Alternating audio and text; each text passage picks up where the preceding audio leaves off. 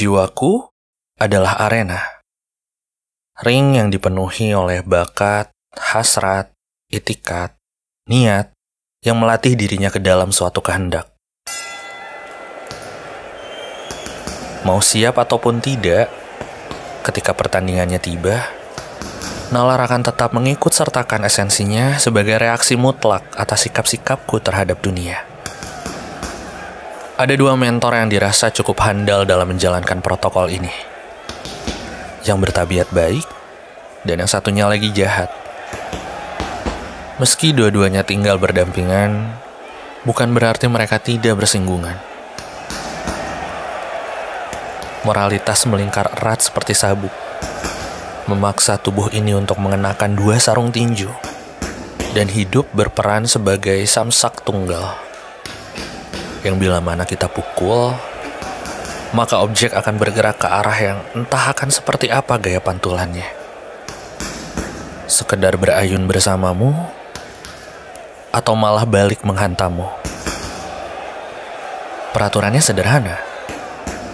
Aku berdebat dengan saya tentang versi siapa yang paling bisa memenangkan gelar juara dengan title kebahagiaan.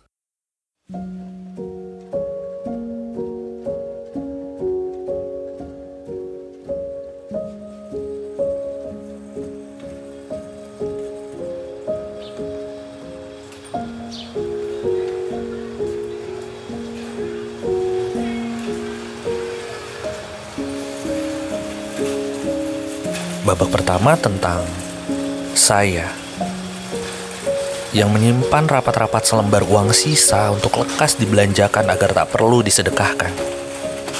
Tapi aku lebih memilih untuk menyodorkannya kepada pengemis renta yang terbujur lemas di samping pintu toko grosir. Apa aku baik-baik saja? Bibirku kering, tenggorokanku kopong, dan perutku berbunyi karena harus menunda gizi. Babak selanjutnya tentang saya yang berlama-lama duduk santai dan berkendara sesak bersama seorang ibu hamil di sana. Tapi aku lebih memilih untuk bangun yang kemudian menyerahkan dan mempersembahkan bangku itu kepadanya. Apa aku baik-baik saja? Kaki ini pegal setengah mati karena harus berdiri mematung di sepanjang perjalanan. Lalu ada babak ketika saya yang disiplin tepat waktu dan pura-pura tak melihat kakek tua yang sedang kesusahan berjuang. Tapi aku lebih memilih untuk menghampirinya, berusaha menemaninya pelan-pelan menyeberangi jalan. Apa aku baik-baik saja?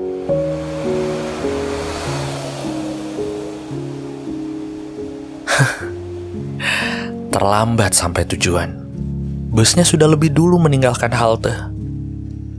Mengharuskanku kembali menunggu giliran ke urutan berikutnya. Juga ada babak tentang saya yang hati-hati berjalan kala hujan dan tak begitu peduli menemukan pengamen cilik menggigil kedinginan di bawah lampu merah. Tapi aku lebih memilih untuk mewariskan satu-satunya payungku secara cuma-cuma untuknya. Apa aku baik-baik saja? Rambutku basah, badanku kuyup, sepatu juga bajuku terbuai kotor. Aku demam sesampainya di rumah.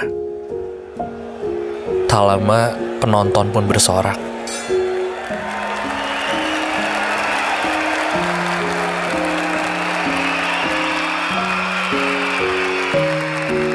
Dari sini kita bisa nilai siapa yang babak belur, siapa yang hancur lebur. Akal sehatku bilang bahwa saya jelas lebih unggul dalam menciptakan peluang yang lebih menguntungkan bagi raga ini. Saya adalah antagonis yang pragmatis, dan saya juga jauh lebih realistis.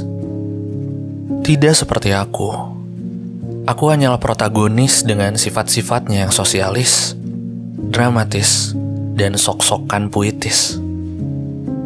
Aku kerap menjelma dermawan, sering memompa waktunya dengan terus-menerus memikirkan nasib orang lain. Sampai di mana, hari demi hari, minggu, bahkan berbulan-bulan, bonyoknya melahirkan memar. Bentuknya lebam seperti sendirian, kesepian, sukacitanya kena sita, menderita. Seluruh bengkak-bengkak tadi mengantarkannya pada premis yang pertama. Tentang bingung sekaligus tanya,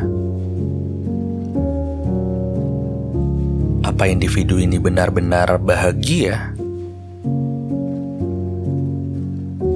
Setelak-telaknya di arena ini, lagi-lagi aku kalah dari saya. Si saya juga ngasih saran.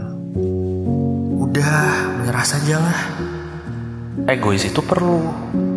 Jangan mau repot-repot. Hikmah mah datangnya lama. Gitu katanya.